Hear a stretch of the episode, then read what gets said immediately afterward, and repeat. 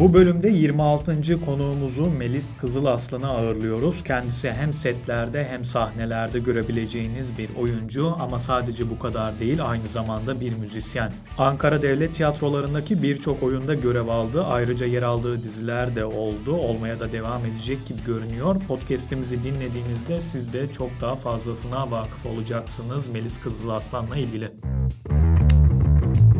Merhabalar ben Melis Kızılaslan. Entel Ankara Podcast ile sizlerleyim. Öncelikle emeğinize sağlık. Çok iyi analiz yapıp sorular hazırlamışsınız.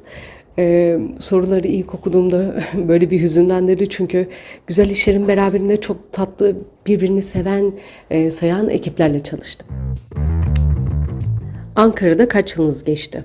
Üniversiteyi kazandığımdan itibaren yaklaşık 12 yıl Ankara'da yaşadım. Aslında yeni yeni ayrılıyor gibiyim ama bizim işlerimiz belli olmuyor tabii. Sizi Ankara'ya bağlayan nedenler nelerdi? Kısacası neden Ankara'daydınız? Bu bir seçim miydi yoksa zorunluluk muydu? Kesinlikle bir seçimde diyebilirim. Üniversiteye hazırlandığımız dönem herkesin kafasında belirlediği bir şehir vardı. Ben de inatla Ankara istiyordum. Ee, tabii en etkin faktörlerden biri e, alanında en yetkin hocalardan ders alabilme ve onlarla çalışabilme fırsatı sunuyordu. Ee, Ankara'nın düzenli bir şehir olması, konservatuar, opera ve tiyatro sahnelerinin birbirine yakın ulaşılabilir mesafelerde olması benim için önemli faktörlerdi. Özellikle bundan 10 yıl önce Çankaya'da yürüdüğünüzde herhangi bir parkta veya kafede kahvesini, kitabını alıp okuyan, birbirleriyle sohbet eden insanlar görürdünüz. Yani bu anlamda gerçekten Ankara'nın farklı bir havası vardı. Hmm, maalesef şu anda her yeri dönerce aldı. Hem müzisyen hem de oyuncu kimliğiniz var. Müzik ve sahneyle olan bağınız nasıl şekillendi? Bugüne değin gelen hem zevk hem de eğitim serüveninizi kısaca öğrenebilir miyiz? E, ee, 9-10 yaşlarında annemin keman eğitimi aldırmasıyla müzisyen kimliğim oluşmaya başladı diyebilirim. Akabinde Mersin Nevit Kodallı Anadolu Güzel Sanatlar Lisesi keman bölümünü kazandım. O dönemden itibaren korolar ve okul orkestramızla e, birlikte sahnedeyim. E, daha sonra Ankara Üniversitesi Sahne Sanatları Anadolu Opera Koro bölümünü kazandım. E, neden kemanla devam etmedim? Of, inanılmaz bir disiplin, saatlerce çalışma, özveri isteyen bir enstrüman. Ben hiperaktif olduğum için mümkün değil bir şey o kadar odaklanabilmem, çalışabilmem.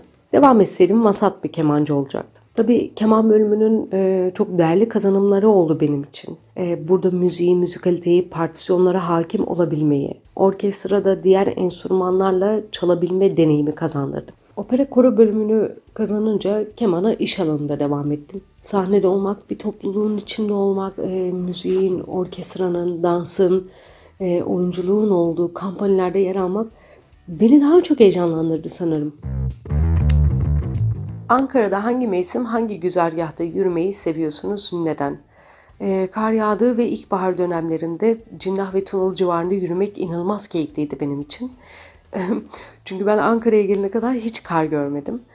Ee, Besekar'da oturduğum dönemlerde de akşamları e, karda yürüyüş yapmak inanılmaz keyifliydi. Çünkü hava da böyle e, hafif aydınlık oluyordu, zifiri karanlık olmuyordu.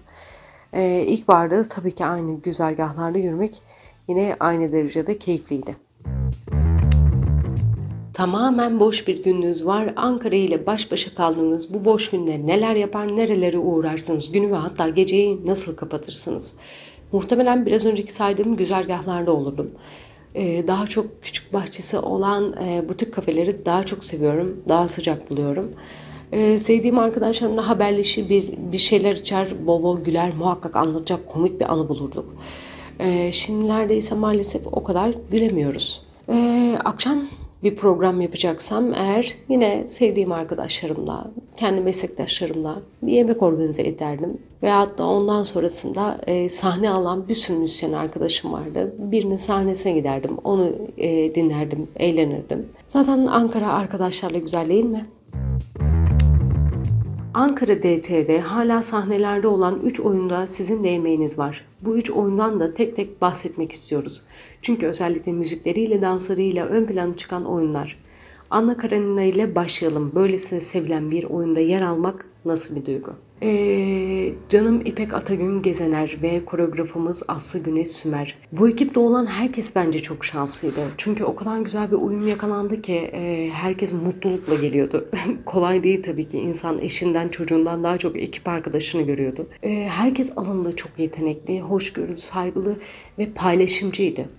E, tabii burada yönetmenimiz İpek'in hayal gücü, zekası ve Aslı Hoca ile kurguladıkları birbirinden farklı ama iç içe olan sahneler e, bizim de bu işe sonsuz inanmamıza ve aşkla yapmamıza sebep oldu. Ve değerli müzisyenimiz Ekin Eten'in beselemiş olduğu müziklerle sahneler tamamen kimliğini oluşturdu. E, oyunun içine olmama rağmen ben dahi bazı sahnelerini izlerken hala büyüsüne kapılıyorum.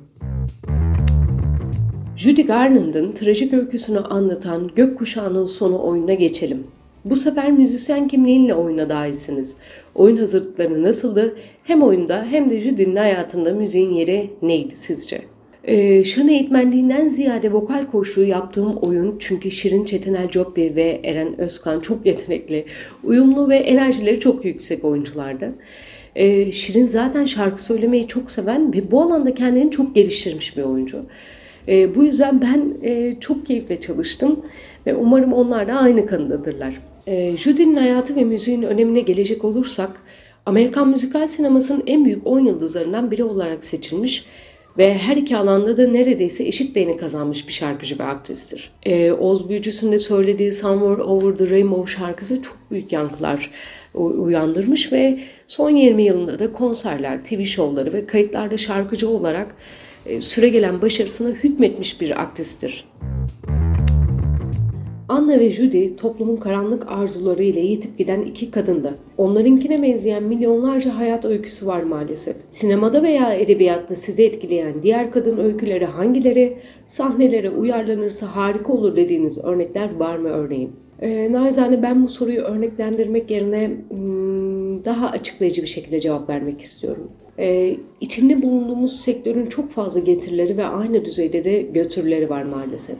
Bunlardan faydalanmak ve korunabilmek için insani duygularımız olan farkındalıklarımız, ruhumuzdaki eksikliklerimizi veya artılarımızı doğru belirleyip bu alanda da çalışmalar yapmamız gerektiğini düşünüyorum. Bir dönem oluyor doğru projelerde yer alıyorsunuz, yıldızınız yükseliyor, kalabalıklarla çalışıyorsunuz. Bir dönem oluyor durağansınız. Herhangi bir projede değilsiniz, yalnız hissetmeye başlıyorsunuz ve burada bir e, kabuğuna çekilme durumu yaşanıyor. Tabii duyguları daha uçlarda hisseden yapılara sahip olduğunuzdan dolayı bir durumla alakalı çok mutlu olup aynı durum nedeniyle buhranlar yaşayabiliyoruz e, bu gel git duygularla hem maddi hem de manevi zihnimizi ve ruhumuzu korumayı öğrenmemiz gerekiyor ki son yıllarda sektörel durumlardan dolayı ben de bunu başarmaya çalışanlardan biriyim.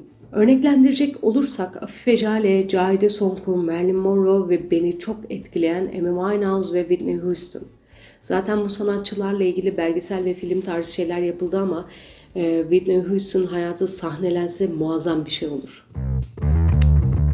Son yıllarda gittiğiniz ve aklınıza yer eden tiyatro, konser veya herhangi bir sahne etkinliği var mı? En son iki yıl önce İstanbul'da e, Selçuk Yöntem ve Okan Bayülgen'in oynadığı Amadeus oyununa gidebildim. E, zaten Mart ayında Covid'in çıkmasıyla maalesef ki hepimiz evlere kapandık. E, fakat şanslıyım ki bu iki yıl içerisinde çalıştığım oyunlar sayesinde aktif kalabildim.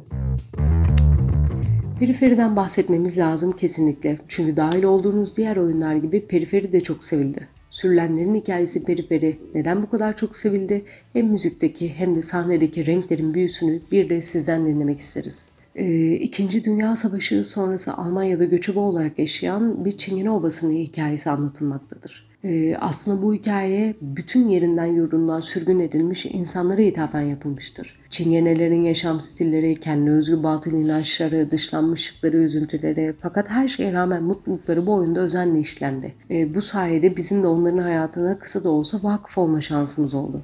E tabi müzikle yaşayan, hayatı müzikten ayrı düşünülemeyen Çingenelerin şüphesiz dünyaya en büyük katkılarından biridir müzik e, oyundaki masalları betimleyen ve müzikle bütünleşen dans koreografileriyle, orkestramızla, sevgili yönetmenimiz Betül Gökçer'in sahneye koymuş olduğu oyunu en doğru şekilde yansıtmaya çalışıp, renklendirerek e, seyircinin beğenisine sunmaya çalıştık. Müzik ve müzisyen temalı filmler arasında en beğendikleriniz sizin için yeri ayrı olan filmler hangileri? Ee, bir sürü sayabilirim ama benim gönlümde taht kuran Farinelli il Castrato. Farinelli 18. yüzyıl opera sanatının en büyük castratolarından biridir. E, kilisedeki korolarda kadın sesinin yasak olduğu dönemlerde e, tiz sesleri elde edebilmek için işte soprano, mezzo soprano maalesef ki e, yetenekli bulunan erke, e, erkek çocukları ergenliğe girmeden hadım ederlermiş. E, ve filmde de kontur, tenor ve soprano sesleri üst üste bindirilerek Farinelli'nin seslendirilmesi yapılmıştır. E, filmin sonlarında Lascia Kyopianga aryası seslendirilmiştir. E, benim de üniversitede söylemekten en keyif aldığım aryalardan biriydi. E, bu sahneyi herkesin izlemesini tavsiye ediyorum. E, inanılmaz güzel seslendirilmiş ve müthiş bir emek var. E, daha da örneklendirecek olursak Kırmızı Keman, Amadeus, Beethoven, Whiplash, e, belgesel olarak Bohemian Rhapsody, Whitney Houston, e, dizi olarak da Mozart in the Jungle'ı çok e, severek, ilgiyle takip ediyordum. Keşke daha fazla yapılsa. Birkaç tane film müzikleriyle ön plana çıkan besteci tavsiyesi rica etsek sizden. E, Goran Bregovic, Melih Kibar, Hans Zimmer, Godfather filmiyle Nina Rota, Burşiyeli Terra şarkısına bayılıyorum. E, David Arnold. Tabii bir de diziler var. Teşkilat ve Kalp Yarısı dizilerinde yer aldınız. Sahnelerden setleri geçerken zorlandığınız durumlar oldu mu? Kesinlikle oldu. Yani sahne ve kamera oyunculuğu birbirinden bambaşka işlermiş. Ben de işin içine girdikten sonra e, farkı anlayabildim. E, diziye ilk başladığım zamanlarda çok heyecanlandığım, nasıl oynayacağım bilemediğim çoğu zaman oldu.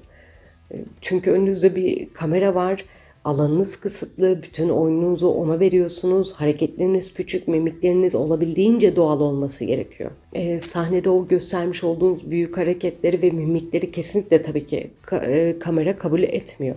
Benim de hala öğrenmeye çalıştığım bir mecra diyebiliriz. Tiyatro seyircisinin yaşadığı duygulara tanıklık ediyorsunuz ve bu duyguların açığa çıkmasında elbette ki müziğin yeri çok çok ayrı. Müzik, sahne seyirci etkileşimi sizin için ne ifade ediyor?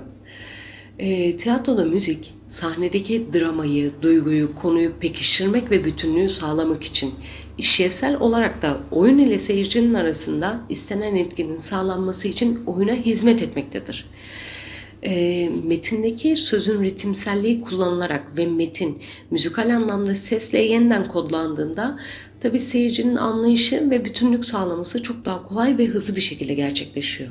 E, ve böyle durumlarda sahne ve seyirci arasında müthiş bir enerji etkileşimi doğar.